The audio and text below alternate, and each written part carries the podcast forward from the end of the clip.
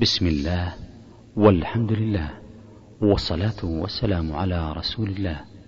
يسر تسجيلات الراية الإسلامية بالرياض أن تقدم لكم هذه المحاضرة والتي هي بعنوان فتن كقطع الليل المظلم لفضيلة الشيخ الدكتور عبد الكريم ابن عبد الله الخضير. السلام عليكم ورحمة الله وبركاته. الحمد لله رب العالمين صلى الله وسلم وبارك على عبده ورسوله نبينا محمد وعلى آله وأصحابه أجمعين.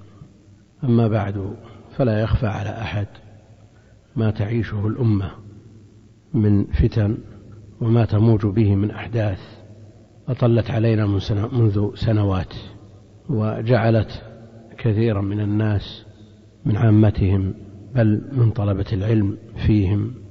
من يصاب بشيء من الحيرة والدهشة والتردد والتذبذب مما جعل بعض الأخوة يرتبون وينظمون محاضرات ودورات في هذا الموضوع الهام والذي يغشى مجالس الناس من عامة وخاصة يعرف قدر هذا الموضوع فمجالسهم امتلأت بالقيل والقال والتحليلات المبنية على أقوال فارغة لا تستند إلى نص من كتاب ولا سنة. تجد مصادر الناس في تقدير هذه الأمور وتقريرها وسائل الإعلام المختلفة فمنهم من يقول سمعت في الإذاعة الفلانية ومنهم من يقول سمعت المحلل الفلاني في القناة الفلانية. ومنهم من يقول قرأت في الصحيفة أو في الجريدة كذا وقل من يتصدى لهذا الأمر من أهل العلم الذين يعول عليهم في تقدير هذه الأمور. والمعول أولا وآخرا في مثل هذه الأحوال على النصوص التي فيها المخرج من هذه الفتن. عقدت دورات في شرح كتب الفتن وهي موجودة ومتداولة. من كتب السنة وتولاها جمع من أهل العلم والفضل ونفعت نفعا عظيما وسرت في الناس ونورتهم وبصرتهم ومن الجهود المباركة في هذا الباب مثل هذه المحاضرة التي عنوانها فتن كقطع الليل المظلم. وهذا العنوان جزء من حديث صحيح مخرج في صحيح مسلم ومسند الإمام أحمد وجامع الإمام أبي عيسى الترمذي من حديث أبي هريرة رضي الله عنه أن رسول الله صلى الله عليه وسلم قال بادروا بادروا بالأعمال فتنا كقطع الليل المظلم. بادروا بالأعمال فتنا كقطع الليل المظلم. يصبح الرجل مؤمنا ويمسي كافرا. أو يمسي مؤمنا ويصبح كافرا. هذا الأمر ومثل هذا الحديث يجعل الإنسان في خوف ووجل لأن العواقب والخواتم أمرها بيد الله جل وعلا. فعلى المسلم أن يلهج دائما بسؤال الله جل وعلا بحسن الخاتمة والثبات على الدين وأن يكون ديدنه ومعوله على كتاب الله وسنة رسوله عليه الصلاة والسلام. شخص يسأل عن ظاهرة وجدت في هذا العام وهي شدة البرد يعني نزلت الدرجة عن الصفر في كثير من مناطق المملكة فيسأل في وسيلة إعلام وما رأيك وما السبب؟ السبب لو قرأنا قول الله جل وعلا ظهر الفساد في البر والبحر بما كسبت أيدي الناس. بما كسبت أيدي الناس. ظهر الفساد. الكلام صحيح إلى هذا الحد. لكن كيف يفهم الآية؟ كيف فهم هذه الآية؟ قال إن من الإفساد في الأرض انتزاع خيراتها. ومن ذلك استنزاف البترول بطريقة غير معقولة الذي هو يولد الدفء للأرض. هل هذا فهم مبني على على أساس علمي شرعي؟ أبدا. هذا كلام من يهرف بما لا يعرف. وقد يكون له مآرب أو مقاصد من خلال هذا الكلام الله أعلم. لكن هذا كلام باطل. نعم الذنوب والمعاصي هي السبب بما كسبت أيدي الناس. ولولا أن الله جل وعلا يعفو عن كثير لما ترك على ظهرها من دابة. لأن المعاصي والذنوب كثرت وعمت وطمت وشملت كافة المستويات وجميع الطبقات. وفي حديث زينب في الصحيح في البخاري يقول النبي عليه الصلاة والسلام ويل للعرب من شر قد اقترب. فتح اليوم من ردم يأجوج ومأجوج هكذا إلى أن قالت أنهلك وفينا الصالحون؟ قال نعم إذا كثر الخبث. والذي ينظر إلى البقاع بما فيها من بلاد المسلمين كثر فيها الخبث كثر فيها الخبث يعني لا ينكر أن هناك علماء ودعاة وقضاة وفضلاء. يوجد الحمد لله الخير في أمة محمد إلى قيام الساعة لكن لا ننكر أيضا أن الخبث كثر وأن السنن الإلهية لا تتغير ولا تتبدل. نعود إلى الحديث الذي عنوان الدرس قطعة منه. هذا الحديث كما ذكرنا مخرج في صحيح الإمام مسلم ومسند الإمام أحمد وجامع الإمام الترمذي. فما معناه؟ معنى بادروا أي سابقوا وسارعوا. وجاء الأمر بالمسابقة والمسارعة في كتاب الله جل وعلا. سارعوا إلى مغفرة من ربكم وجنة. سابقوا. المقصود أن هذا الأمر جاء في نصوص الكتاب والسنة والمبادرة يعني مفاعلة والمسابقة كذلك والمسارعة. فتفيد أن الإنسان يسعى لسبق غيره في هذا الشأن لأن المفاع صيغة المفاعلة عند أهل العلم تقتضي أكثر من طرف. يحرص على الإنسان أن يسبق غيره. ولا يعني هذا أنه إذا سبق من قبل أحد أشد من قبل أحد هو أشد حرصا منه أنه يكون في نفسه عليه شيء أو يتمنى أن لا يسبق عليه أن يحرص على هذه المبادرة وعلى هذا السبق وأن يتمنى للناس كلهم أن يكونوا على هذا المستوى. لأن بعض الناس يستشكل يستشكل هذا الأمر المسابقة والمسارعة والمبادرة يعني والمنافسة مع أنه جاء النهي عن المنافسة. المنافسة في أمور الدنيا أما المنافسة في أمور الآخرة مطلوبة من المسارعة والمسابقة. لكن كون الصيغة تقتضي أكثر من طرف قد يفهم منها بعض الناس أنه يسعى لتحقيق المبادرة والمسارعة والمسابقة ومن لازمه أن يتمنى أن لا يسبق. من لازم ذلك أن يتمنى أن لا يسبق.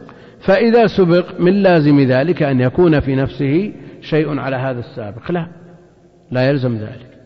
بل تتمنى للمسلمين ما ت... وتحب لهم ما تحب لنفسك. لكن مع ذلك تسعى في إصلاح نفسك قبل غيرك. ثم بعد ذلك تسعى إلى إصلاح غيرك الأقرب فالأقرب. بالأعمال أي الاشتغال بالأعمال الصالحة. بادروا سابقوا بالأعمال المراد بها الأعمال الصالحة الموصلة إلى مرضاة الله جل وعلا الدافعة لما يكون سببا لغضبه ومقته وأخذه لأن الله جل وعلا يملي للظالم فإذا أخذه لم يفلته يأخذه أخذ عزيز مقتدر.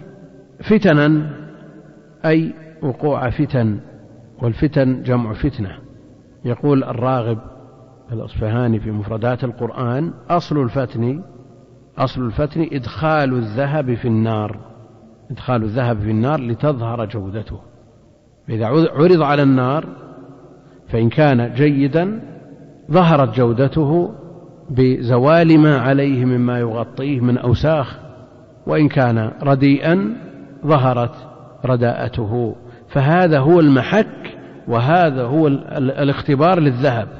والفتن لا شك أنها محك. يختبر فيها الرجال. تختبر فيها سائر الأعمال.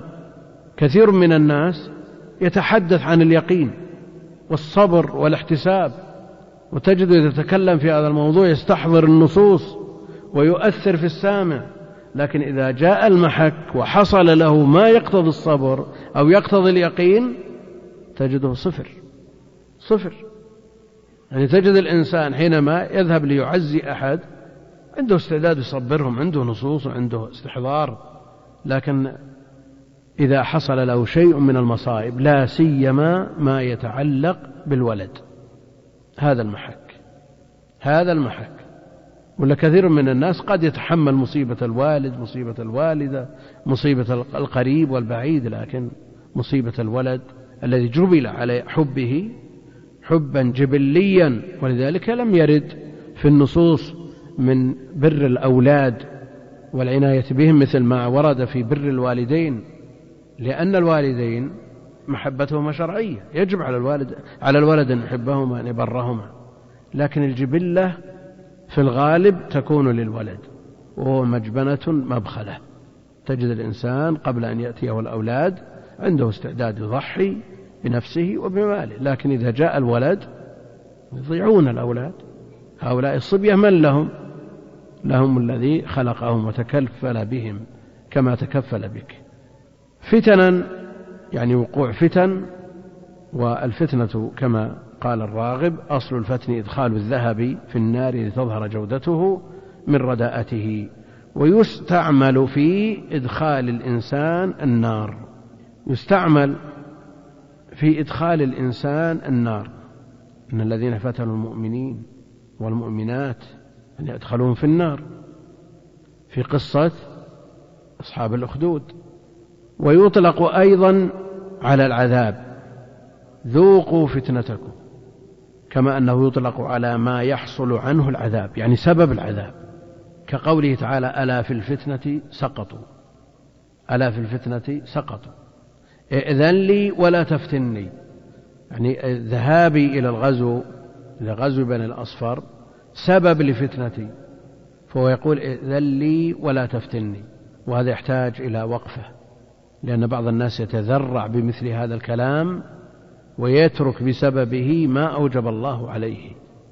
نعم في المندوبات في المستحبات لك أن تنظر في الأرباح والخسائر لكن ما أوجب الله عليك ليس فيه مثنوية. لذلك لما اعتذر بأنه إذا رأى بنات بني الأصفر لا يصبر وقد تعين عليه الجهاد ما عذر. وذم لكن لو أراد أن يذهب إلى مكان لطلب علم أو عمرة مستحبة مثلا أو حج نفل ويقول إذا رأيت النساء لا أستطيع وقد أفتن النفل أمر سهل. وعلى الإنسان أن يوازن بين الأرباح والخسائر. لكن في الفرض هل يمكن أن يقول لا أستطيع أن أؤدي فريضة الإسلام؟ الحج ركن من أركان الإسلام يقول أخشى أن أفتن؟ لا. مثل ترك هذا للجهاد. ألا في الفتنة سقطوا. لكن إذا أراد أن يعتمر مثلا وقال فيه والله الحرم المسجد أشرف البقاع فيه من النساء المتبرجات ما لا أستطيع الصبر ولا أملك نفسي عن إرسال النظر أو عن بعض الخطرات. التي تخطر لي. نقول انظر في أرباحك وخسائرك. كثير من الناس يذهب بحثا عن الأجر ثم يعود مأزورا. هنا انظر في سبب الفتنة. وانظر في الأرباح والخسائر مع أنك مأمور بجلب المصالح ودرء المفاسد. يعني جاهد نفسك. واذهب إلى حيث المصالح هناك. وجاهد نفسك عن درء المفاسد عنك بقدر الإمكان. لكن إذا لم تستطع فأمر التنفل واسع ليس مثل أمر الفرض. يطلق أيضا على الاختبار كما قال جل وعلا وفتناك فتونا. يعني اختبرناك اختبارا هذا بالنسبة لموسى عليه السلام وما حصل عن نتيجة الاختبار؟ اصطفاه الله جل وعلا. ثبت في الاختبار وظهرت نتيجته المشرفة فاصطفاه الله جل وعلا. صار من جملة المصطفين. وفيما يدفع إليه الإنسان من شدة ورخاء وهو في الشدة أظهر معنى وأكثر استعمالا. يعني الإنسان يفتن ويبتلى بالسراء والضراء. يبتلى بالسراء كما يبتلى بالضراء. يبتلى بالفقر ويبتلى بالغنى. لينظر هل يصبر إذا ابتلي بالضراء؟ والفقر أو يشكر إذا ابتلي بالسراء والغنى. فإن صبر صارت العاقبة الحميدة وإن شكر في حال السراء صارت عاقبته حميدة. والعلماء كما هو معلوم يختلفون في أيهما الأفضل الغني الشاكر أو الفقير الصابر. في كلام طويل لهم لكن شيخ الإسلام كما هو معلوم يرجح أن المفاضلة إنما هي بالتقوى. فبقدر ما يكون الإنسان أتقى لله سواء كان غنيا أو فقيرا فهو أفضل من غيره. إن أكرمكم عند الله أتقاكم. وفيما يدفع إليه الإنسان من شدة ورخاء وفي الشدة أظهر معنى وأكثر استعمالا. كما قال جل وعلا ونبلوكم بالشر والخير فتنة. ونبلوكم بالشر والخير فتنة. ومنه قوله جل وعلا وإن كادوا ليفتنونك أي يوقعونك في بلية وشدة في صرفك عن العمل بما أوحي إليك. يسعون جاهدين لصرفك عما أوحى الله إليك. وقال أيضا الراغب في مفردات القرآن وهذا الكتاب يحتاجه كل طالب علم لأنه أشبه ما يكون بالتفسير الموضوعي. يعني آيات الفتنة يجمعها في موضع واحد ويفسرها. يعني أنت تريد مش هل الترف محمود ولا مذموم؟ مثلا الذي يعيش كثير من الناس الآن. هل هو محمود ولا مذموم؟ انظر في مثل هذا الكتاب وتجد ما ورد في الترف من آيات ويفسرها. ما ورد في الإخبات. ما ورد في آه، الخضوع مثلا. ما ورد في جميع الموضوعات التي تطرق لها القرآن موجود مجموع هذه الآيات كلها في موضع واحد ويتكلم عليها. وقال أيضا الفتنة تكون من الأفعال الصادرة من الله جل وعلا ومن العبد تكون تصدر من الله جل وعلا وتكون أيضا من العبد. كالبلية والمصيبة والقتل والعذاب والمعصية وغيرها. الله جل وعلا يقول ونبلوكم بالشر والخير فتنة. يعني هذه صادرة من الله جل وعلا وفي قوله جل وعلا إن الذين فتنوا المؤمنين هذه صادرة من مخلوق. والله جل وعلا يقدر هذه الفتن وتكون على يد مخلوق يكون تحقيق هذه الفتن على يد مخلوق. فيجتمعان في فتنة واحدة. الله جل وعلا يقدرها على من أراده من أراد أن يفتنه ثم يجريها على يد أحد من خلقه. وكونها تقدر كونا لا يعني أنها تطلب شرعا. يعني هذا الذي حصلت على يده هذه الفتنة يذم ولا ما يذم؟ يذم بلا شك. يعني هذا الإنسان ارتكب معصية واستحق عقوبة على هذه المعصية. أجرى الله جل وعلا هذه العقوبة على يد مخلوق. هل يقال أن هذا ارتكب معصية ولا, ولا فيه إشكال؟ يصاب وما يصاب؟ والثاني قدر الله له أن يفعل كذا وهو بريء من هذه المعصية؟ لا. كل له ما يخصه من خطاب الشرع. هذا الإنسان ارتكب معصية. يتحمل. فيما كسبت أيديكم. هذا الذي حصل الانتقام بسببه مذموم. لأنه لم يؤذن له شرعا بأن يفعل ينتقم من هذا الشخص. نعم من وكل إليه أمر الحدود وارتكب إنسان حدا من حدود الله فأقامه عليه ولي الأمر أو من ينيبه ولي الأمر محمود. بل لو عطله لصار مذموما. لكن الكلام في عادي الناس يروح يبتلي الإنسان في نفسه أو ماله أو بدله إذا قيل له قال هذا مذنب فيما كسبت أيديكم؟ ما هو أنت اللي تحاسبه وتعاقب. ولذا يقول الفتنة تكون من الأفعال الصادرة من الله تعالى ومن العبد كالبلية والمصيبة والقتل والعذاب والمعصية وغيرها من المكروهات. فإن كانت من الله تعالى فهي على وجه الحكمة لأنه قد يقول قائل الله جل وعلا يقول فتناك فتونا نبلوكم بالشر والخير فتنة. الفتنة مذمومة والفتن تساق في كتب العلم على أنها مذمومة وفي النصوص مذمومة. كيف يفتن الناس ثم يذمهم عليها كما أنه قدر على هذا أن يطيع وقدر على هذا أن يعصي وركب فيه حرية الاختيار. يعني ما في إجبار ما في إجبار. الشخص الذي يجلس في بيته ويسمع الأذان ويسمع الإقامة ويسمع الإمام بالمكبر يقرأ ويصلي ويسلم وهو في بيته هل يقول أحد أن هذا لا يستطيع الذهاب إلى المسجد لأنه مكتوب عليه؟ ما يستطيع. له اختيار له حرية. يقف ثم يمشي ويذهب إلى المسجد ما في ما يمنع. خلوا في مصالحه الدنيا الدنيوية. خلوا يقول أنا والله مكتوب علي إني فقير اجلس في بيتك. أو يقول مكتوب إني عقيم لماذا أتزوج؟ ما يمكن يستدل بمثل هذه الأمور لكن استدلاله على الأمور الشرعية بالقدر موروث من المشركين. لو شاء الله ما أشركنا. وليس لأحد أن يحتج بالقدر. فإن كانت من الله تعالى فهي على وجه الحكمة. طيب. الله جل وعلا ابتلى آدم بمنعه من الأكل من الشجرة وزين له الشيطان ووسوس له الشيطان وأغراه فأكل من الشجرة. عصى عصى آدم ربه وأخرج بسبب ذلك من الجنة.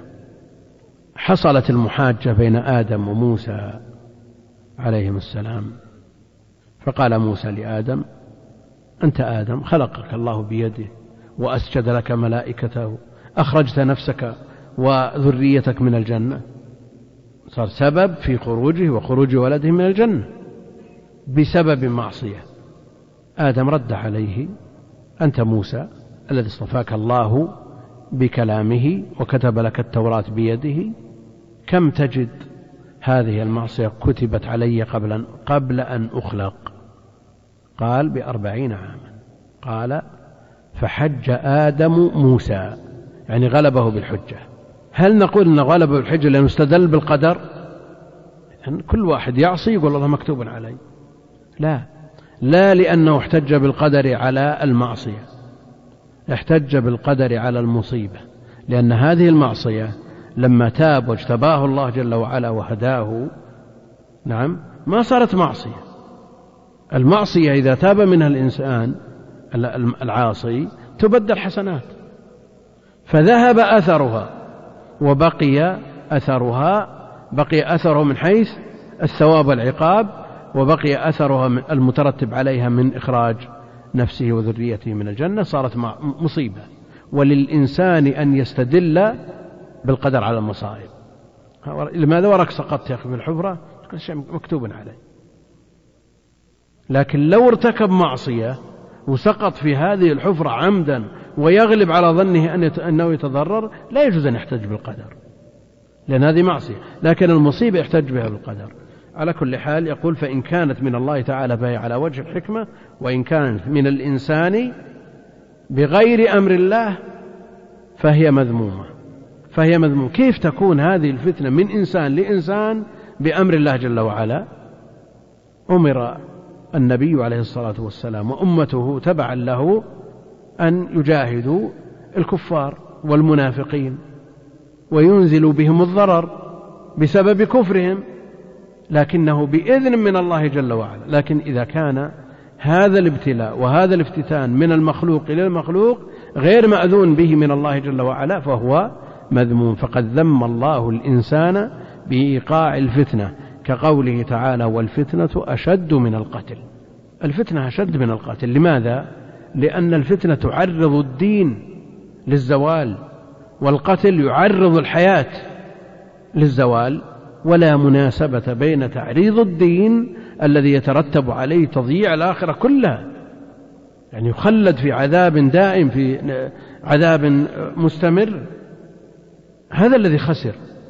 هذا الذي خسر بالفعل أما من يخسر الدنيا وقد حفظ دينه وثبت عليه هذا هذا لم لا يأسف على شيء. قل إن الخاسرين الذين خسروا أنفسهم وأهليهم يوم القيامة. أما خسارة الدنيا لا خسارة. لا تساوي شيء لأن عمر الإنسان ستين سبعين ثمانين مئة سنة ينتهي.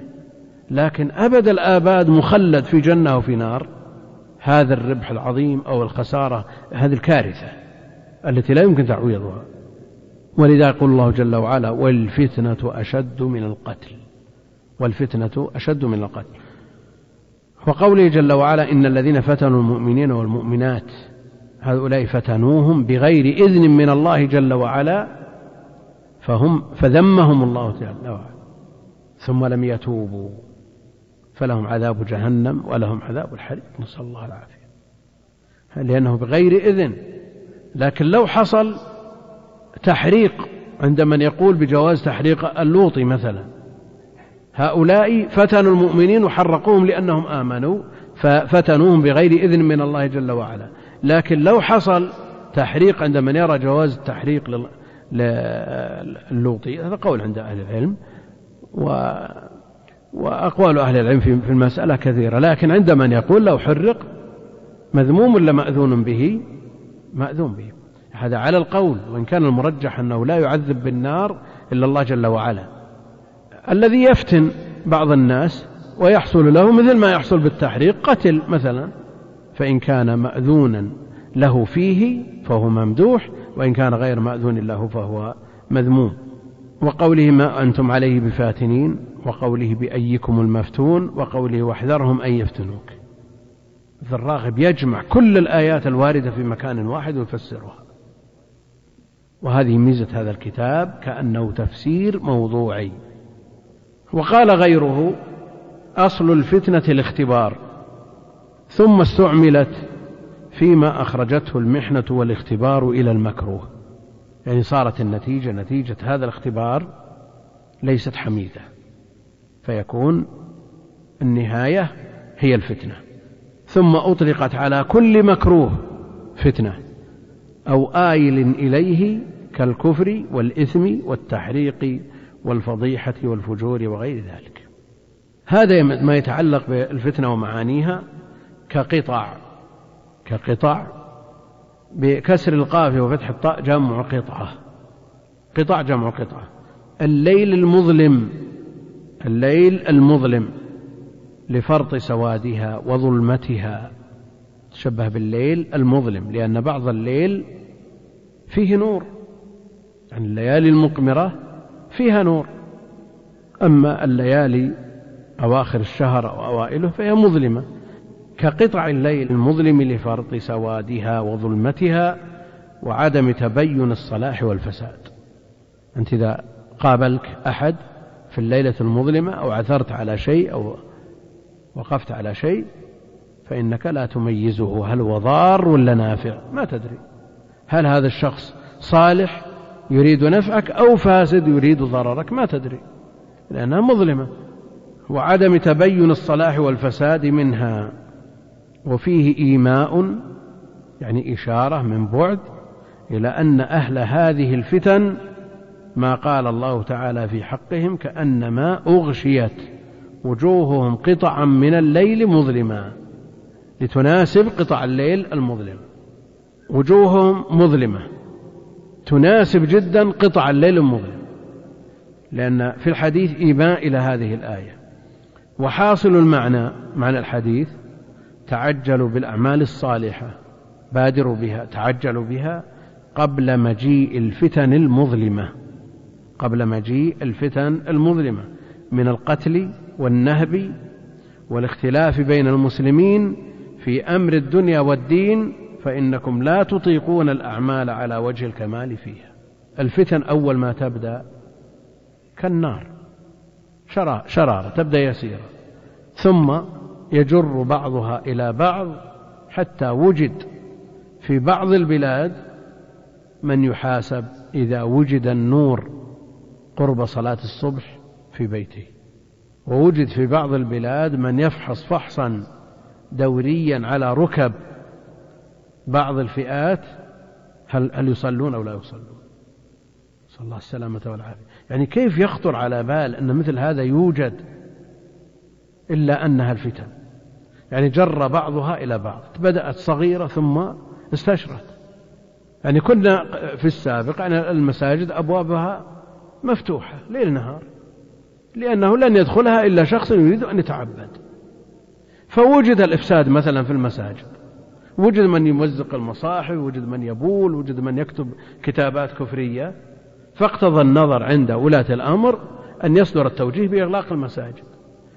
الأصل أن المساجد مفتوحة. كان المسجد في عهده عليه الصلاة والسلام مفتوحا كما في صحيح البخاري والكلاب تغدو وتروح تغدو وتروح.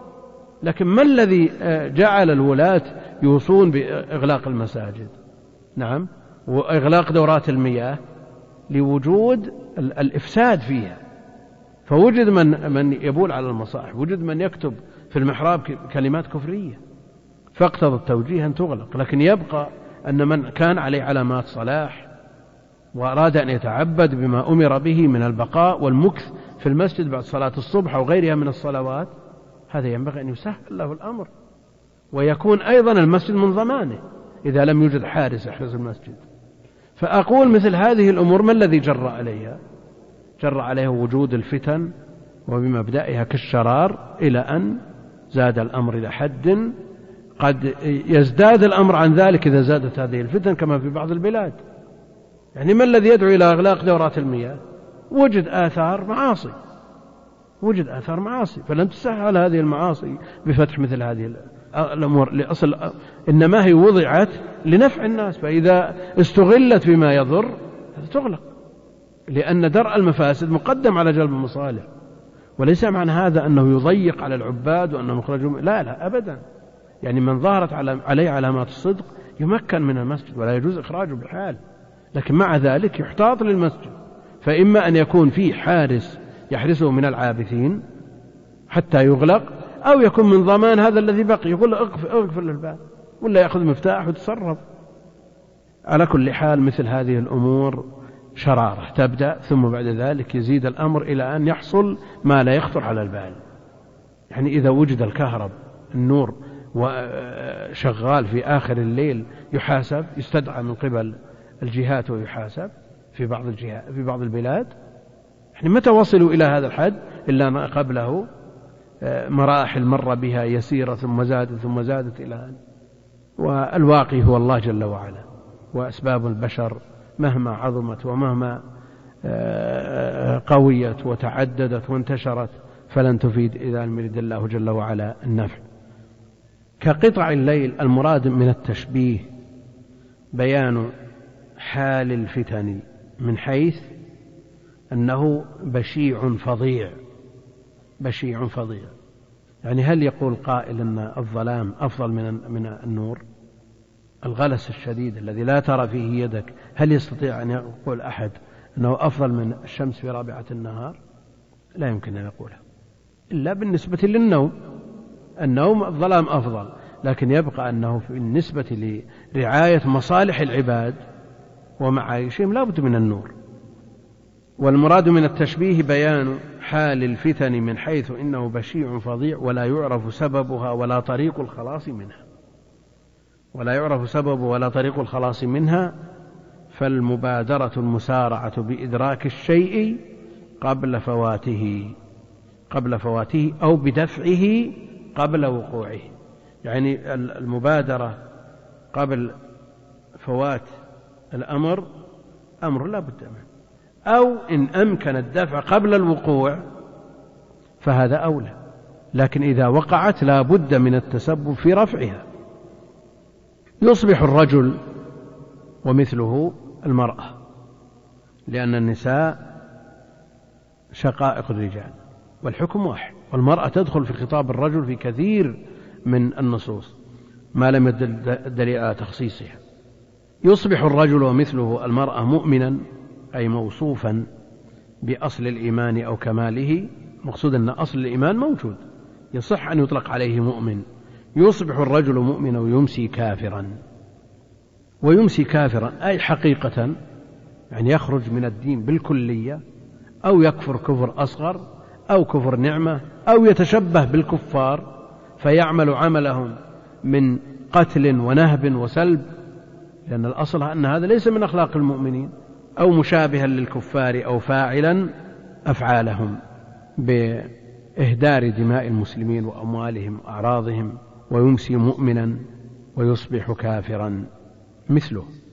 وقال بعض أهل العلم أن المعنى يصبح محرما ما حرمه الله جل وعلا ويمسي مستحلا إياه وبالعكس لأن استحلال الحرام المتفق عليه المعلوم من الدين بالضرورة أو آه، تحريم الحلال المعلوم من الدين بالضرورة هذا نسأل الله العافية. كفر ردة. يعني حينما يحاول بعض الناس أن يجعل مخرج لبعض فئات الكفار أن لهم نصيب من الجنة. لأن الآن في بعض الوسائل يروج أن اليهود والنصارى مؤمنون. يشاركوننا في الإيمان بالله فلهم نصيبهم وجد من يترحم عليهم وأهل العلم يقولون هم هم كفار بالإجماع. ومن شك في كفرهم كفر إجماعا. يوجد في الوسائل من من يروج لمثلهم. ولذلك يقولون يمسي مؤمنا يصبح كافرا قيل المعنى يصبح محرما ما حرمه الله ويمسي مستحلا إياه وبالعكس يعني الأمور المختلف فيها. والراجح مثلا تحريمها نسمع كثيرا من يحللها. الأمور المختلف فيها والراجح يحلها نسمع من يحرمها. لكن الإشكال في ما يخرج به من الدين بالكلية ما يكفر به وهو تحليل الحرام المجمع عليه أو تحريم الحلال المجمع عليه. حاصل ذلك التذبذب في أمر الدين والتتبع لأمر الدنيا. حاصل ذلك التذبذب في أمر الدين والتتبع لأمر الدنيا كما بينه بقوله عليه الصلاة والسلام يبيع أي الرجل أو أحدهم كما في الروايات دينه يبيع دينه يترك دينه بعرض من الدنيا أي بأخذ متاع دنيء وثمن رديء من الدنيا. وفي بعض الروايات قليل بعرض قليل وقد جاء استثناء وقد جاء استثناء من أحياه الله بالعلم عند ابن ماجه والطبراني. طيب يبيع دينه بعرض قليل يسير. قد يقول قائل افترض إن هذا الذي يتصدى لتعليم الناس وإفتائهم. نعم. أعطي ثمنا كثيرا. يعني هل مفهوم ان أن الذم لمن أخذ قليل؟ نعم. افترض أن هذا قيل له هذا مليون وأفتي بكذا. يقول الله الحديث بعرض قليل وهذا كثير. يعني يستحق أن الإنسان يضحي. نعم. ألا يدري مثل هذا أن ركعتي الفجر خير من الدنيا وما فيها؟ الدنيا كلها شيء لا شيء بالنسبة للآخرة. لو أعطي الإنسان مليار ما عاد الركعتي الفجر فكيف يقول مفهوم الحديث قليل وإذا وجد كثير؟ يعني ممكن أن لا يدخل لا لا أبدا. جاء استثناء من أحياه الله بالعلم إلا من أحياه الله بالعلم وهذا عند ابن ماجه والطبراني في مثل هؤلاء الذين أحياهم الله بالعلم ونور بصائرهم وثبتهم على دينه وجعلهم من الراسخين هؤلاء تمر الفتن ولا تضرهم. تمر هذه الفتن التي تموج ولا تضر لأن الله جل وعلا يثبتهم. وجاء عند الترمذي تكون بين يدي الساعة بين يديه يعني قبلها ومن أشراطها فتن والتنكير للتعظيم يعني فتن عظيمة عظام ومحن جسام كقطع الليل المظلم. يصبح الرجل فيها يعني في تلك الفتن والظاهر أن المراد بالإصباح كما يقول أهل العلم الإصباح والإمساء تقلب الناس فيها تقلب الناس فيها وقتا دون وقت لا بخصوص الزمانين يعني لا أن لا يلزم منه أن يكون بيوم واحد يتغير. هو في الصباح مسلم مؤمن وفي المساء كافر إنما بالتدريج. لكن الكلام على الحكم عليه هو في هذا الوقت مؤمن بعده في وقت يليه كافر. يعني نفترض أن شخص مؤمن في أول النهار وكافر في آخره. ما يدخل في الحديث؟ لأنه ما أمسى. أو العكس في أول الليل مؤمن وفي آخره كافر. نعم ليس المراد حقيقة الإصباح والإمساء وإنما يراد به التقلب في الأوقات. تقلب الناس فيها وقتا دون وقت لا بخصوص الزمانين فكأنه كناية عن تردد أحوالهم وتذبذب أقوالهم وتنوع أفعالهم. من عهد ونقض يبرم عهد. والله جل وعلا يقول أوفوا بالعقود. ثم ينقض. ويعاهد ويغدر. من عهد ونقض وأمانة وخيانة. وإذا اؤتمن خان. هذا من من أوصاف المنافقين نسأل الله العافية ومعروف ومنكر وسنة وبدعة وإيمان وكفر. هذا التذبذب يحصل وظهر كثيرا في هذه الأيام. تجد الإنسان ما أعلمه ما أحلمه ما أعقله ثم بعد ذلك يخرج بشيء لا يخطر على القلوب. نسأل الله الثبات. أو العكس المقصود أن مثل هذه الأمور من سمات أي أوقات الفتن أوقات الفتن. بعرض من الدنيا أي بقليل من حطامها والعرض ما عرض لك من منافع من منافع. القاعد خير من القائم.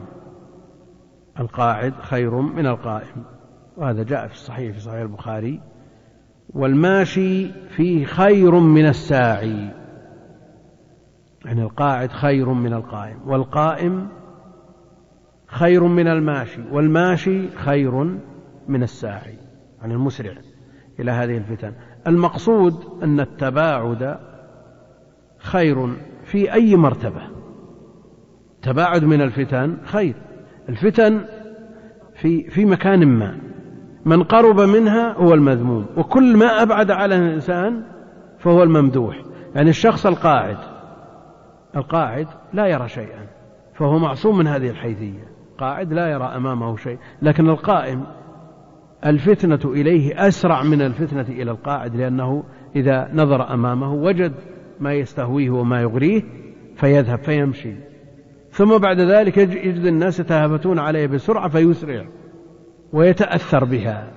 لكن لو وجد فتنة ووجد قاعد ووجد شخص قائم وجد قاعد يقول أنا ما لي دعوة بالناس علي بنفسي. طيب في مشكلة هناك. يقول ما علي من أحد. واحد قائم ينظر يتأمل من أجل إيش؟ من أجل أن يسعى في حلها أو في تخفيفها. ثم وجد ماشي يمشي إلى ذلك ووجد من يسعى هرولة من أجل إيش؟ المشاركة في حل هذه الفتنة. وفي رفع هذه الفتنة أيهم أفضل؟ الساعي. ثم الماشي ثم القائم ثم القاعد. يعني المسألة إيش؟ مبناها على هذه الفتن والتأثر بها سلبا أو إيجابا. لكن الغالب في أيام الفتن وأيام الاضطراب أنها تؤثر سلبا في كثير من في عموم الناس. لكن يبقى أن بعضهم يمكن أن يؤثر فيها إيجابا فمثل هذا مشاركته في حلها عين الحكمة وهو الممدوح. من تشرف لها تستشرفه. من تشرف لها تستشرفه. لأن من العصمة ألا تسمع عن هذه الفتنة ومن العصمة أيضا ألا تمشي إليها ومن العصمة ألا تسعى إليها. لا سيما إذا كنت ليست لديك القدرة في التأثير لأن كثير من الناس قابل للتأثر. وبعضهم يقبل آه، فيه تأثير وبعضهم سجال قد يتأثر فيها وقد يؤثر. فمثل هؤلاء كل له حكمه كما سيأتي في حكم العزلة والخلطة. من تشرف لها تستشرفه تستهويه. أخبار غريبة أخبار جديدة. يسمع أشياء. لأن الناس في الغالب يملون الركود. تجد مثلا عشرين ثلاثين سنة الناس راكدين على حال واحد ثم يوجد فتنة تموج بالناس. تجد الناس كلهم حوله. زرافات وحدان تستشرفهم. المقصود أن أن مثل هذه الأمور التي فيها تغيير للمجتمع أو تساهم في تغيير هذه آه، تستشرف آه، كثير وتستهويهم. تستشرفهم فمن وجد منها ملجأ أو أو معاذا فليعذ به. يعني ما يكفي أن يكون قاعد إنما يذهب وينصرف في الاتجاه المعاكس ليجد ما يحميه ويقيه من هذه الفتنة. فمن وجد ملجأ أو معاذا فليعوذ به. طيب. المخرج من الفتن وجدت الفتن. وجدت الفتن. والآن تموج من حولنا. والناس يتخطفون من حولنا. ونحن نعيش في أمن ورخاء ورغد. ولله الحمد والمنة. نسأل الله جل وعلا أن يديم هذا بتوفيقنا لرضاه. المخرج الاعتصام بكتاب الله جل وعلا والعمل بسنة نبيه عليه الصلاة والسلام. وقد جاء في الحديث تكون فتن. قيل يا رسول الله فما المخرج منها؟ قال كتاب الله. فعلى المسلم الذي يحسن القراءة أن يكون ديدنه تلاوة كتاب الله. قراءة القرآن في كل وقت. هذا فيه مخرج من الفتن. وفيه أيضا بكل حرف عشر حسنات. يعني تجلس بعد صلاة الصبح إلى طلوع الشمس أسبوع تختم القرآن. ساعة تختم القرآن في أسبوع. ثلاثة ملايين حسنة ومع ذلك العصمة في كتاب الله. فمن يفرط في مثل هذا؟ ما يفرط إلا محروم. نسأل الله السلامة والعافية. يعني في وقت يسير ولا يعوقك عن تحصيل أي مصلحة. لا دين ولا دنيا ومع ذلك تجد الذين يجلسون انتظارا لارتفاع الشمس قلة ونراهم في بلادنا بلاد الخير والفضل أقل من القليل بل كثير من المساجد ما يجلس أحد ما يجلس أحد. وذهبنا إلى بعض المناطق مناطق المملكة التي في عرف كثير من الناس محل ازدراء. ليس محل يعني ما هي محل التزام واستقامة وفيها طوائف مبتدعة وفيها اختلاط وكذا. وجلس بعد صلاة الصبح صفان إلى أن ارتفعت الشمس. ومظاهرهم ليست من مظاهر الاستقامة والالتزام. فالزهد في مثل هذه الأمور التي جاء الحث عليها لا شك أنه خذلان. يعني ما الذي يمنع أن يجلس طلاب العلم يجلس عامة المسلمين كبار السن خيار الناس بعد صلاة الصبح إلى أن تنتشر الشمس لمدة ساعة. ويقرأ القرآن أسبوع ثلاثة ملايين حسنة ويعصم من الشيطان يعصم من الدجال يعصم. الإنسان غني عن العصمة من من الفتن. المخرج في كتاب الله العمل بسنة النبي عليه الصلاة والسلام. عليكم بسنتي. والذي لا يعمل بالسنة لا بد وأن يبتلى ببدعة. لا بد أن يبتلى ببدعة. عليه أيضا أن يلزم العبادة. في أوقات الفتن ففيها مخرج. وفي الحديث الصحيح العبادة في الهرج كهجرة إلي. العبادة في الهرج كهجرة إلي. فعلى الإنسان أن يلزم هذه العبادة. الفرائض عليه أن يسعى في تكميلها. يعني إذا كان يعقل منها النصف أو الربع أو الثلث يسعى أن يعقل جميع هذه الفرائض. لأنه ما تقرب بشيء أحب إلى الله مما افترض عليه. ثم بعد ذلك يسعى فيما يسد الخلل من الإكثار من النوافل من جنس هذه العبادة يكثر من نوافل الصلاة يكثر من, يكثر من نوافل الصيام آه، من نوافل الحج والعمرة. العمرة هي العمرة كفارة لما بينهما. الأذكار التي لا تكلف الإنسان شيئا ورتب عليها الأجور العظيمة إبراهيم عليه السلام يقول للنبي عليه الصلاة والسلام يا محمد أقرئ أمتك مني السلام وأخبرهم أن الجنة قيعان غراسها سبحان الله والحمد لله ولا إله إلا الله والله أكبر. أن تجد الإنسان يغرس الشجرة أو يغرس النخلة ويتكلف عليها المبالغ والجهود وخمس سنوات أو ست ما تثمر. سبحان الله غرس شجرة في الجنة. الحمد لله غرس شجرة في الجنة. وهكذا. ما الذي يعجز عن أن أن أن أن يقول سبحان الله والحمد لله ولا إله إلا الله والله أكبر وهي الباقيات الصالحات؟ المال والبنون؟ نعم. زينة الحياة والباقيات الصالحات خير. يعني أفضل من المال ومن البنين. وهي لا تكلف شيء. وأنت جالس وأنت قائم ماشي آه، مضطجع. في نور في ظلام على أي حال تذكر الله. سبحان الله وبحمده في دقيقة ونصف مئة مرة حطت عنه خطاياه وإن كانت مثل زبد البحر. يعني الذي يلهج بذكر الله هل يخذل في وقت الفتن؟ إذا كان ذلك من إخلاص واستحضار لهذه الأذكار لن يخذل بإذن الله. وجاءت الأحاديث الكثيرة في الذكر والذاكرين سبق المفردون الذاكرون الله كثيرا والذاكرات وللذكر أكثر من مئة فائدة.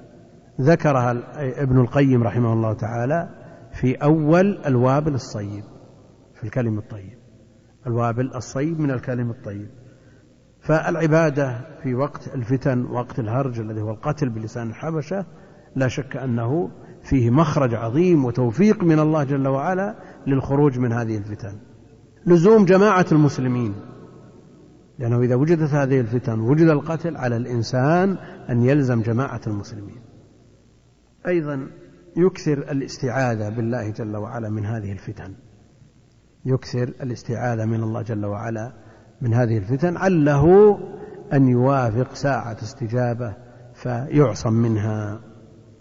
يعني موقف العلماء وطلاب العلم في أيام الفتن عليهم أن يبصروا الناس ويثبتوهم ويربطوا على قلوبهم ويبينوا لهم ما جاء في ذلك من نصوص ولا يجعلونهم يتخبطون ويتبعون من كل ناعق يتكلم ممن له شأن ومن لا شأن له. في الحديث الصحيح عند الإمام البخاري وغيره من قوله عليه الصلاة والسلام يوشك أن يكون خير مال المسلم أو خير مال المسلم غنم أو غنما يتبع فيها شعف الجبال ومواقع القطر يفر بدينه من الفتن يفر بدينه من الفتن. يوشك أن يكون خير مال المسلم غنما يتبع فيها شعف الجبال ومواقع القطر يفر بدينه من الفتن. إذا وجدت الفتن تلاطمت وعجز الإنسان عن حماية نفسه ومن تحت يده فضلا عن أن يكون مؤثرا في غيره وخشي على نفسه أن يتأثر ينطبق عليه هذا الحديث. يفر بدينه من الفتن ويعتزل الناس لأن مثل هذا الحديث لا شك أنه في وقت الفتن التي لا يدرى وجه الصواب فيها. ممن يخشى أن يتأثر ولا يطمع من نفسه ولا يؤنس من نفسه أو يغلب على ظنه أنه يؤثر. أما الشخص الذي يؤثر في غيره فلا شك أن الصبر على مخالطة الناس وتحمل أذاهم وبذل الجهد في نفعهم هذا هو المتعين.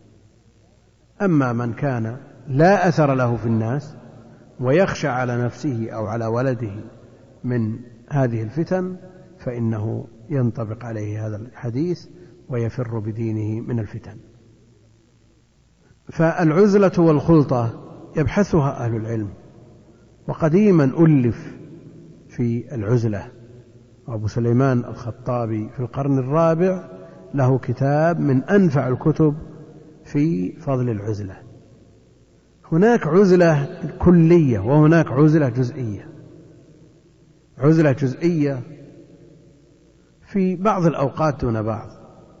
يعني يصلي مع الناس في جماعة ويشهد الجمع والأعياد ويحضر المناسبات الشرعية لكنه لا يكثر الاختلاط بالناس. لأن كثرة الخلطة بالناس لا شك أن أثرها على القلب ظاهر وإن كان هذا يتفاوت بتفاوت الناس. بعض الناس وجوده في المحافل وفي المجالس خير. يسعى جاهدا في نفع الناس وبعض الناس سلبي لا خير ولا شر وبعض الناس وجوده ضرر. لكن في الجملة العز الخلطة كثرتها مع الناس لا بد أن يكون لها أثر على القلب. لأن هذه الخطرات التي تخطر على القلوب في أوقات الضيق يعني شخص يسمع في صلاة التهجد في ليالي العشر مثلا وهو ساجد يضحك.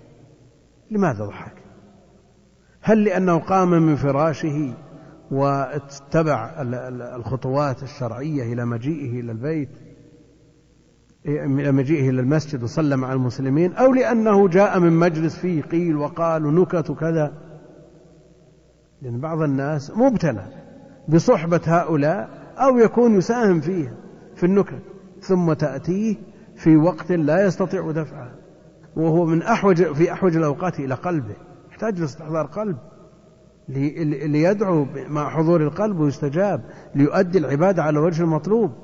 تجد مثلا الذي ابتلي بالنكت تجده يضحك. الذي ابتلي بالتقليد تجده يقلد في أوقات الضيق في عشية عرفة يقلد. الذي ابتلي بالغيبة والنميمة تجده في هذا الموطن العظيم يغتاب لا يستطيع أن يملك نفسه. فعلى الإنسان أن يقلل من الخلطة بقدر الإمكان على أن لا يترك الواجبات ولا يقصر في الحقوق لأن من وسائل حفظ القلب الفضول. كما يقول ابن القيم فضول الطعام فضول النوم فضول الأكل اللي هو الطعام فضول الكلام فضول النظر فضول الخلطة. كل هذه مؤثرة لأنها كلها منافذ تصب في القلب. يعني تجد الإنسان يفتح المصحف ويقرأ لمدة ساعة ما يدري وش قرأ. قيل وقال وذهب وراح وجاء ويصب في الصلاة, في الصلاة ثم يخرج منها كما دخل. وقصة ذكرناها مرارا. شخص تقدم إلى المسجد وصار بجوار المؤذن. قرأ من القرآن ما قرأ حتى جاءت الإقامة. لما كبر الإمام كبر معه.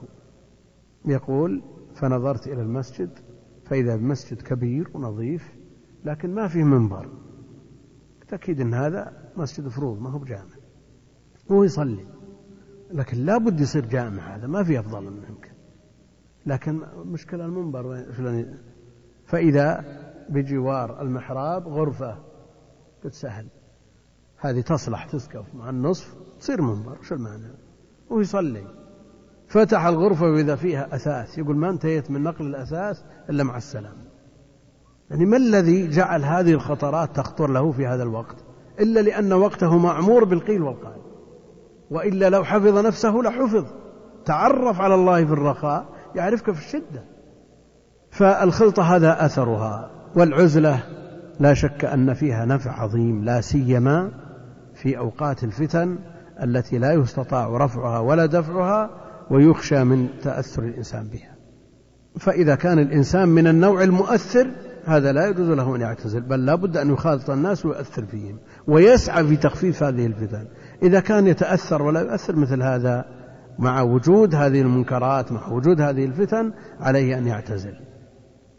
والشراح شراح البخاري وغيره يقولون المتعين في هذه الأزمان العزلة. شراح بعضهم في الثامن وبعضهم في التاسع يعني من سبعمائة سنة أو ستمائة سنة أو خمسمائة سنة. يقول المتعين العزلة لعدم خلو المحافل من المنكرات.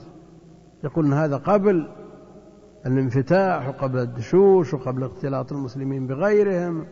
وقبل العادات الوافدة من الكفار يقول متعين عزلة إحنا أدركنا الناس قبل ثلاثين سنة يختلف وضعهم اختلاف جذري قبل انفتاح الدنيا. فكيف بقبل خمسمائة ستمائة سنة؟ على كل حال مثل هذه الأمور آه، إنما تقدر بحسب اختلاف الناس والأحوال والظروف والحاجة إلى الإنسان وما يترتب على ذلك من فعل واجبات أو ترك واجبات وتضييع حقوق.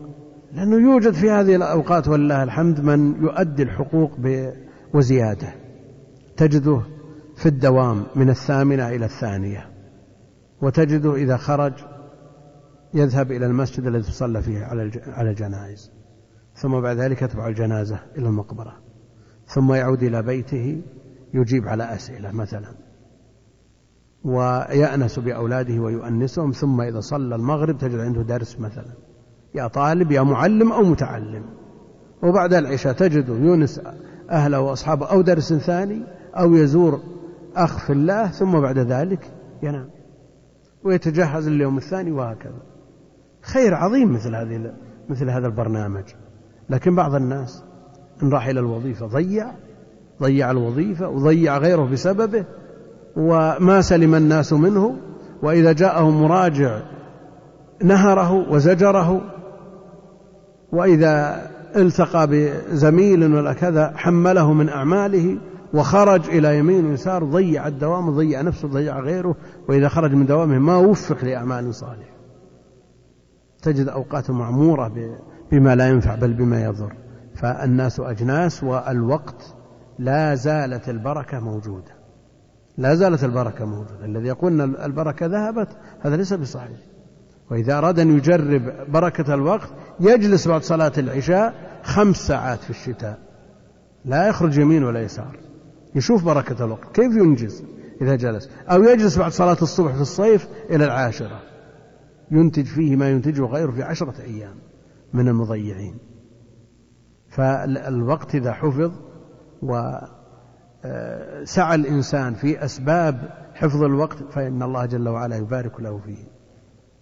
قد يقول قائل لماذا ابتلينا بهذه الفتن؟ ولماذا كان الناس قبلنا آه، ما فتنوا أو الفتن عندهم أقل أو كذا؟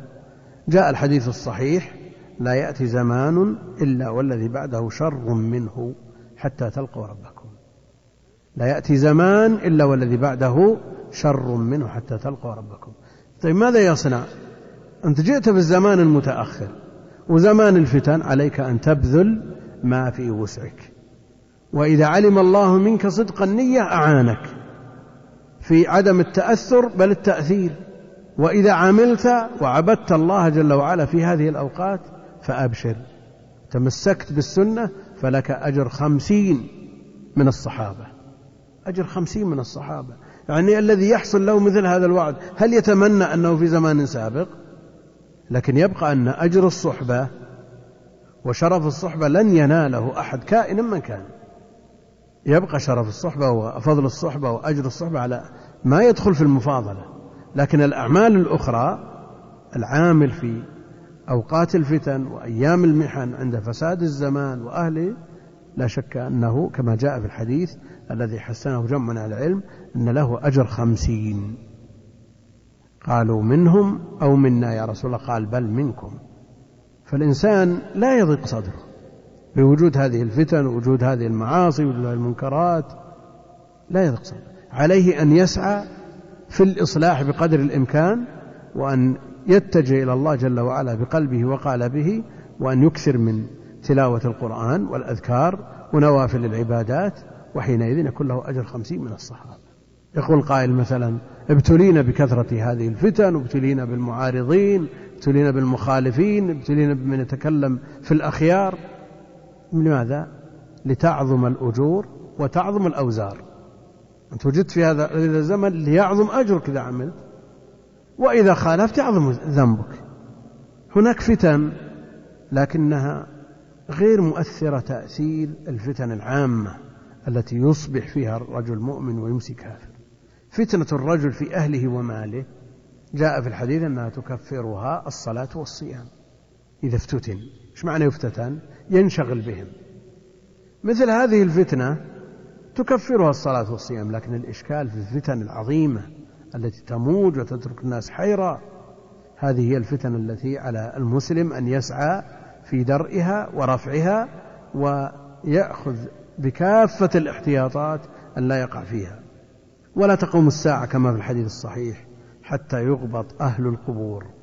هذه في أوقات الفتن المدلهمة التي لا يستطيع الإنسان فيها أن يخرج منها سالما. هذا يتمنى ولذلك أجازوا تمني الموت في زمن الفتن. جاء النهي عن تمني الموت. النهي عن تمني الموت لا يتمنى أحدكم الموت لضر نزل به. لكن جاء أنه في آخر الزمان يأتي إلى صاحب القبر ويقول يا ليتني مكانه. ولا تقوم الساعة حتى يقبض أهل القبور. لماذا؟ لأن الضرر محقق بالبقاء. فالإنسان يخشى على دينه. فالموت وزوال الدنيا أسهل بكثير من أن يعرض الدين للخطر. فإذا وصل الحد إلى هذا الأمر جاز للإنسان أن يتمنى خشية على دينه في أوقات الفتن التي قد لا يتميز فيها الحق فيتبع أو لا يوفق الإنسان أو يحال دونه ودون اتباع الحق. فمثل هذا لا تقوم الساعة حتى يغبط أهل القبور وتمنى الإنسان الموت وتمناه بعض الصحابة لما حصل بعض الفتن وما زال الأخيار إذا حصل ما حصل. وهذا مستثنى من النهي عن تمني الموت لأن النهي عن تمني الموت بسبب ضر أصابه في دنياه. يعني خسر خسارة فادحة أو صار عليه حادث أو انكسر أو كذا. يتمنى الموت هذا لا يجوز له أن يتمنى الموت. لكن إذا كان لا يعرف هل بقاؤه مصلحة أو لا يقول اللهم أحيني ما كانت الحياة خيرا لي وتوفني إذا كانت الوفاة خيرا لي. والله أعلم وصلى الله وسلم وبارك على عبده ورسوله نبينا محمد وعلى آله وأصحابه أجمعين. يقول ما هي الفتن التي ظهرت في الوقت الحالي؟ اذكرها جزاك الله خيرا. يعني هذه أمور تدرك. هذه أمور تدرك.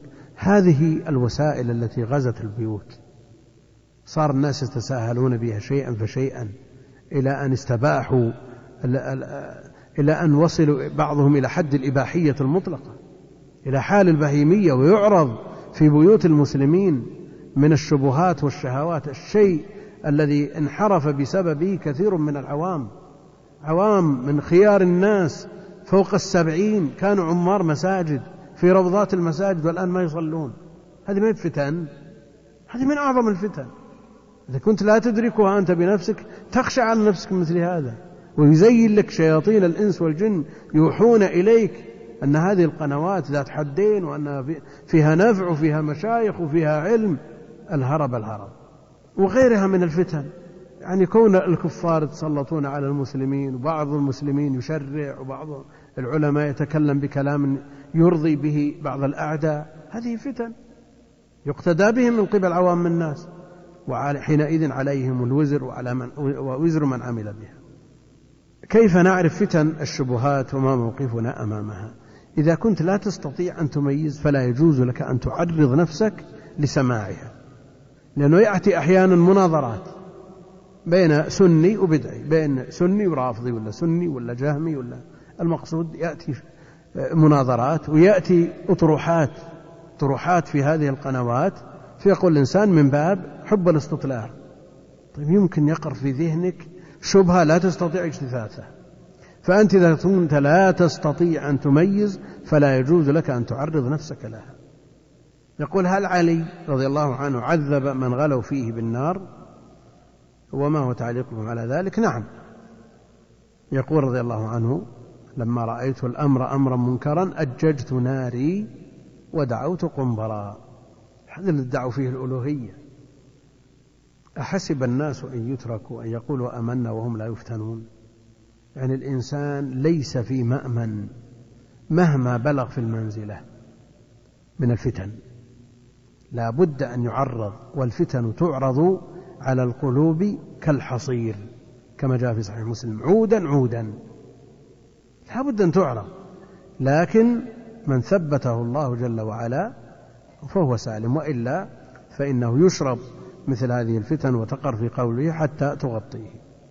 يقول ما رأيكم بما يوجد من فتنة الفتوى وتضاربها ووقوع الحرج عند الكثير بما يأخذ فما توجيهه؟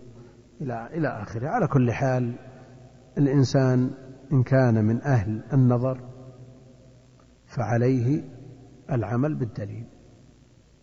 إن كان من أهل النظر والاجتهاد ولا يسعه أن أن يقلد أحدا.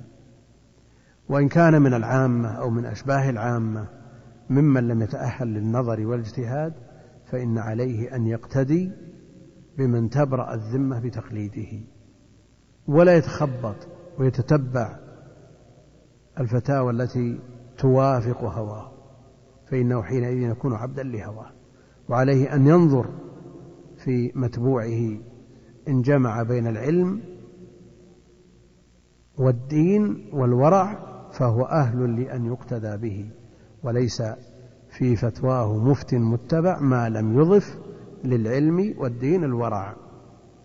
قد يقول قائل أنا والله لا أستطيع أن أميز أيهم أفضل وأيهم أعلم وأيهم أورع. على كل حال الاستفاضة على ألسنة العلماء وعلى ألسنة ألسنة الأخيار كافية في مثل هذا. يعني إذا أثنى عليه أهل العلم المعروفون بالتحفظ والتثبت تكفي.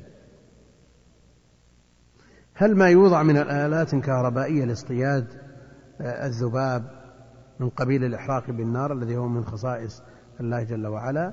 على كل حال هي تخالف وتفارق النار التي هي ذات اللهب وإن كان فيها شيء من الإحراق والصعق. لكن هذا الناموس المؤذي إذا لم يتحقق دفعه إلا بمثل هذه فإن ما آذى طبعا جاز قتله شرعا وإذا لم يتمكن متمكن من وسيلة غيرها فلا مانع منها إن شاء الله تعالى. يقول ما الأشياء المستحب عملها في وقت الفتن؟ ذكرنا بعض الأشياء ولعلها تكفي.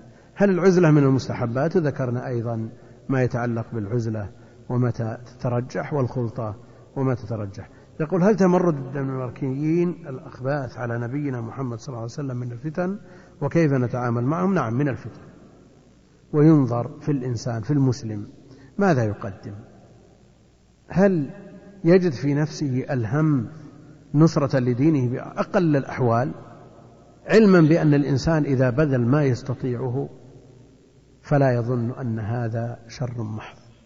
فالكلام في عرضه عليه الصلاة والسلام في قصة الإفك جاء قول الله جل وعلا لا تحسبوه شرا لكم بل هو خير.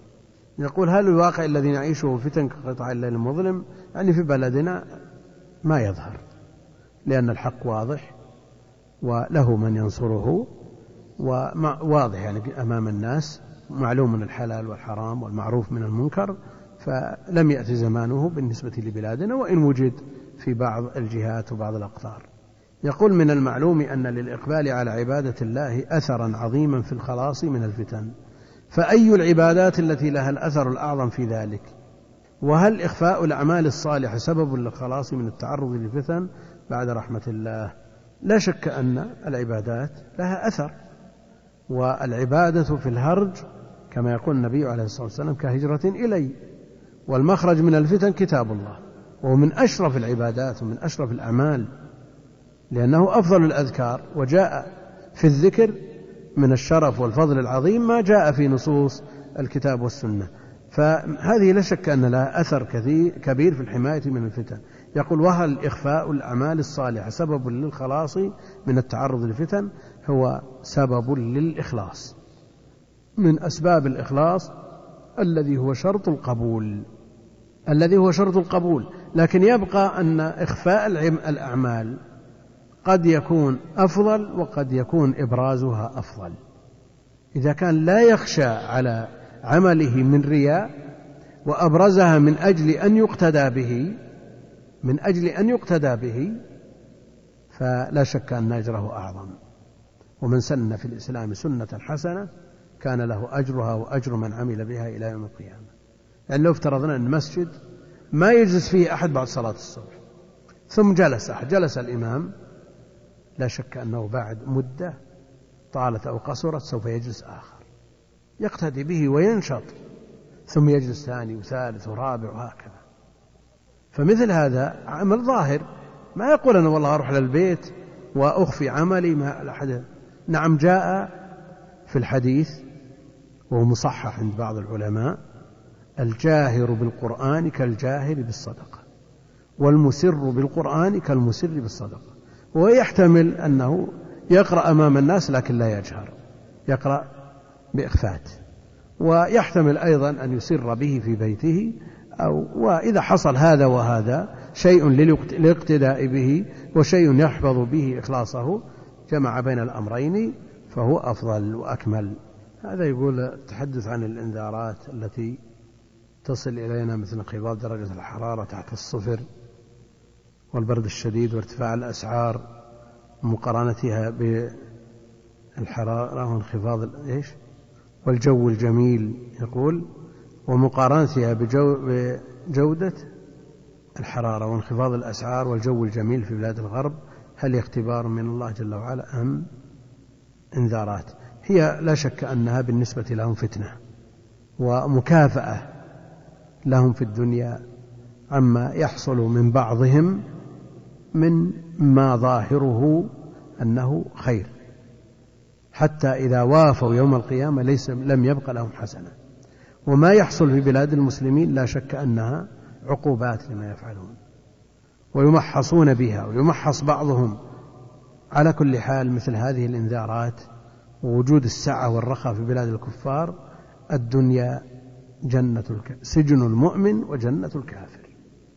والدنيا كلها بحذافيرها غير مأسوف عليها. ولذلك الإنسان إنما خلق لتحقيق العبودية فقط. وما خلقت الجن والإنس إلا ليعبدون. لكن كيف تتحقق هذه العبودية؟ لا بد من الأخذ بأسباب تعين على بقاء النوع. ولذا جاء قوله جل وعلا ولا تنس نصيبك من الدنيا. يقول في الدعاء والحديث والشر ليس إليك وفي القرآن فتناك فتونا ونبلوكم بالخير والشر فتنة. القدر كله خيره وشره من الله جل وعلا. خيره وشره من الله جل وعلا. لكن من باب الأدب في الأسلوب في العبارة ما يضاف الشر إلى الله جل وعلا. ولذا جاء في قوله أشر أريد بمن في الأرض؟ أم أراد بهم ربهم رشدا. لما جاء الشر تحدث عن الشر تحدث عنه بصيغة المبني للمجهول. ولما جاء ذكر الخير الرشد أظهر الفاعل وهو الله جل وعلا. والكل من الله. لكن من باب التأدب في العبارة وفي الأسلوب لا يضاف الشر إلى الله جل وعلا. هذه مسائل عامة. لا يمكن أن يجاب عنها من قبل فرد بل هي مما تعم الأمة بكاملها وهي عملية أيضا فيرجع فيها إلى الهيئات العلمية التي وكل إليها مثل هذا الأمر. يقول ما أفضل طريقة لضبط العلم؟ وما أفضل طريقة لتسجيل الفوائد في دروس العلم؟ هذه أسئلة آه، تتعلق بالعلم والطلب ولنا في المسألة أشرطة كيف يحفظ كيف يقرأ والمنهجية في قراءة الكتب وكيف يقدم في الأولويات في المختصرات في المطولات في الشروح في المتون في الحواشي. كل هذا موجود ولا مسجل كله؟ ويحتاج إلى بسطه إلى وقت. كيف يحكم الشخص على إخلاصه؟ إذا كانت خلوته مثل جلوته ما في أي فرق بينهما عنده ونشاطه إلى العبادة في وقت آه، ظهوره أمام الناس في المسجد مثل نشاطه إذا خلا فهو هذا دليل على إخلاصه. آه، مقاطعة منتجات الدنماركية لا شك أنها فيها نكاية لهم وخسروا خسائر عظيمة وليس بأيدينا من ما نقاومهم به ونرد عليهم به إلا به إلا هذا. فهذا أقل ما يقدم. يقول هل اختلاف العلماء في الأحكام فهذا شيخ يحل المساهمة الفلانية وهذا يحرم. هل تعتبر فتنة؟ لا شك أن الخلاف موجود في المسائل الفرعية موجود من عصر الصحابة لكن العبرة بالصواب القول الراجح والعبرة بمن جمع شروط الفتوى. وليس كل واحد يمكن أن يقلد في فتواه. يقول هل ارتفاع الأسعار وغلاء المعيشة هل تعتبر فتنة؟ فتنة بمعناها الأعم. وهي اختبار الناس الغني بغناه والفقير بفقره يشمل هذا كله.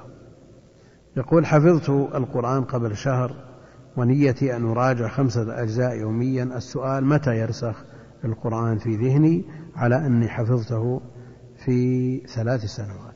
لا شك أنه مع المراجعة يثبت.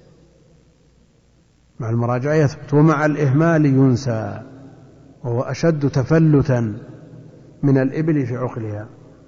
لكن مع المراجعة إذا خصصت قدر تستطيع مراجعته وتكرره يوميا. لا شك أنك تضبطه ولا يتفلت عليك. يقول ما حكم الأناشيد التي ظهرت وكثرت وفيها ألحان تشبه الأغاني وما وقعون منها؟ الأصل في النشيد أنه كلام شعر موزون مقفى وألقي بين يدي النبي عليه الصلاة والسلام مباح اللفظ ما فيه ما يستنكر. وأدي على لحون العرب. أدي على لحون العرب لا على لحون الأعاجم وأهل الفسق. ولم يصد عما هو أهم منه لأنه شعر والشعر كلام. حسنه حسن وقبيحه قبيح فإذا لم يكن غالبا على غيره لأنه جاء في الحديث الصحيح لأن يمتلئ جوف أحدكم قيحا حتى يريه خير له من أن يمتلئ شعرا. فإذا أخذ منه بقدر مناسب وسمعه بلحون العرب وسلم من الآلات لا يجوز أن تصحبه آلة وكان لفظه مباحا فأنشد بين يدي النبي عليه الصلاة والسلام. يقول ما رأيك بخروج بعض العلماء في قنوات الفساد وإلقاء الدروس والمحاضرات فيها؟ حجتهم أنهم يوصلون العلم إلى الأماكن التي يصل إليها الشر من خلال هذه القنوات وأنهم يستهدفون فئات لا يمكن حضورهم في المساجد فهم يوصلون هذا الفضل إلى هذه القنوات. لكن هذه القنوات الموبوءة القذرة التي يستهزأ فيها أو من خلالها بالله وبدينه وبرسوله وتبث من خلالها السموم الشهوات والشبهات لا شك أنها تجعل خروج مثل هذا العالم أو طالب العلم مبرر لاقتناء بعض الناس لهذه القناة ولا شك أن درء المفاسد عند أهل العلم مقدم على جلب المصالح. أنت تسعى لإصلاح الناس وترجو بذلك ثواب الله. وترتكب هذا المحظور وما عند الله لا ينال بسخطه. يقول هل الأفضل في فتن الصمت والسعي في الإصلاح إذا كان الشخص لا يظهر له رجحان المصلحة؟ لا حينئذ يعتزل. إذا لم يظهر له رجحان فيعتزل. كما اعتزل سعد بن أبي وقاص ما حصل في أيام الصحابة اعتزل. ومن العشرة المبشرين لأنه يترجح له شيء. ابن عمر كذلك. يقول نأمل الحديث عن فتنة التصاوير. لا شك أن التصاوير بجميع أشكالها وآلاتها كثرت وانتشرت وسرت بين المسلمين من غير نكير. كل هذا بسبب كثرة الإمساس واختلاف وجهات النظر والبحث عن المخارج الذي وقع فيه الناس. قالوا إنها عمت بها البلوى فلا بد أن نوجد مخرج يخرجنا من النصوص الشديدة في حكم التصوير وأشد الناس عذابا المصورين. يقال لأحدهم أحيوا ما خلقتم. هذه عظائم. لكن مع ذلك تجد كثرتها. تجعل بعض الناس يوجد لها مخارج. فتجد التصوير الشمسي يقول هذا ليس بتصوير. لا يمكن أن يدخل ضغط زر وتخرج هذه الصورة بهذه السرعة ويكون من أشد الناس عذابا. ما يمكن. يقول ما تتصور هذا. نقول أيضا إذا ضغط زر المسدس بلحظة وقتل مسلم فورا حصل له الوعيد الشديد من يقتل مؤمنا متعمدا. يعني سهولة الأمر كلمة ينطق بها يهوي بها في النار سبعين خريفا. فليس النظر إلى سهولة الأمر وعظم النظر في ما جاء فيه من نصوص فهي الحكم. كون بعض الناس يقول هذا تصوير أو ليس بتصوير من أهل العلم من أهل الفضل من أهل الخير من أهل من أهل الصلاح كونه ارتكب هذا الأمر وصور هذا أمر إليه. والله المستعان. الصور المجسمة التي يجمع عليها أهل العلم. الآن تتداول في بيوت المسلمين وفي محافلهم وفي آه، بلدانهم من دون نكير على أنها لعب البنات. التي جاءت النصوص بها وعائشة عندها لعب بنات وعندها فرس له جناحان وهكذا. يعني اللي عمره ثلاثين أربعين ما أدرك لعب البنات في ذلك الوقت في بلادنا. هي التي يتحدث عنها تتحدث عنها النصوص وهي التي يشرحها أهل العلم. لعب البنات قالوا وساد كبير في رأسه وساد صغير. وانتهى هذا كل لعب لكن تأتي بلعبة فاتنة مصورة بأدق تصوير وتتحرك وتتصرف تصرف العقلاء مضاهاة تامة لخلق الله. إذا إذا أضجعت أغمضت عينيها. إذا أجلست فتحت. إذا صفق لها رقصت. هل هذه لعب البنات التي كانت عند عائشة؟ لا والله إن هذه هي المحرمة بالإجماع. وزاد الأمر. فصار يستورد أحجام استغنى بها بعض الفساق. لأن هذا سببه الفتنة بمثل هذه الأمور السيئة. تقول أختي أختي تجر لما وراءها. والله المستعان. يقول ما أفضل طبعة لكتاب الراغب المفردات مفردات القرآن. الأفضل الطبعات ولكن لا ما أظنها موجودة لأنها صورت آه، طبعة محمد أحمد خلف الله. مطبوعة في مصر قبل أربعين سنة أو خمسين. آه، لكن طبعة الحلبي مجزئة لا بأس بها. مع حكم جوال الكاميرا. جوال هذا يمكن أن يصور به ما يجوز تصويره من غير ذوات الأرواح ويمكن أن يصور به ذوات الأرواح. لكن الحصول على مثل هذه الآلات لا شك أنه يسهل هذه المعصية ويجرئ الإنسان عليها. رأينا شباب خيار من أبعد الناس عن هذه الأمور وقتنا هذا الجوال. ثم بعد ذلك لا يجرؤ أن يصور نفسه لأن التصوير حرام لا يجرؤ أن يصور أباه أو أمه أو أخاه أو الشيخ الفلاني أو القريب أو المحب ما لا يجرؤ لأنه ما زال التصوير عنده حرام. لكن يأتيه ولد طفل أو بنت ثم في المراحل الأولى تحبو تنازعه نفسه. متى يتكرر عليك مثل هذا المنظر؟ هذا من فاتك هذا فات خلاص. لا نتكرر. ثم تبدأ أو الولد يبدأ يمشي خطوة خطوتين ويعثر. هذا نزاع عظيم في النفس وبسببه تهاوى كثير من الشباب على التصوير. لأنهم بدأوا خلاص صوروا وش اللي يمنع أنك تصور غيره؟ لأن هناك مواقف لا يملك الإنسان نفسه منها. نقول للشيطان خلاص هالخطوتين اللي مشوا تأخرت لن تتكرر في حياتك. وأنت يمكن في يوم من الأيام تقتنع بالتصوير ثم تندم. وتعدى كثير من الناس تخطى هذه المرحلة بسبب اقتنائه هذه الكاميرا. ولا شك أن تيسير الوسائل ييسر الغايات. والله أعلم. صلى الله وسلم وبارك على عبده ورسوله نبينا محمد وعلى آله وأصحابه أجمعين.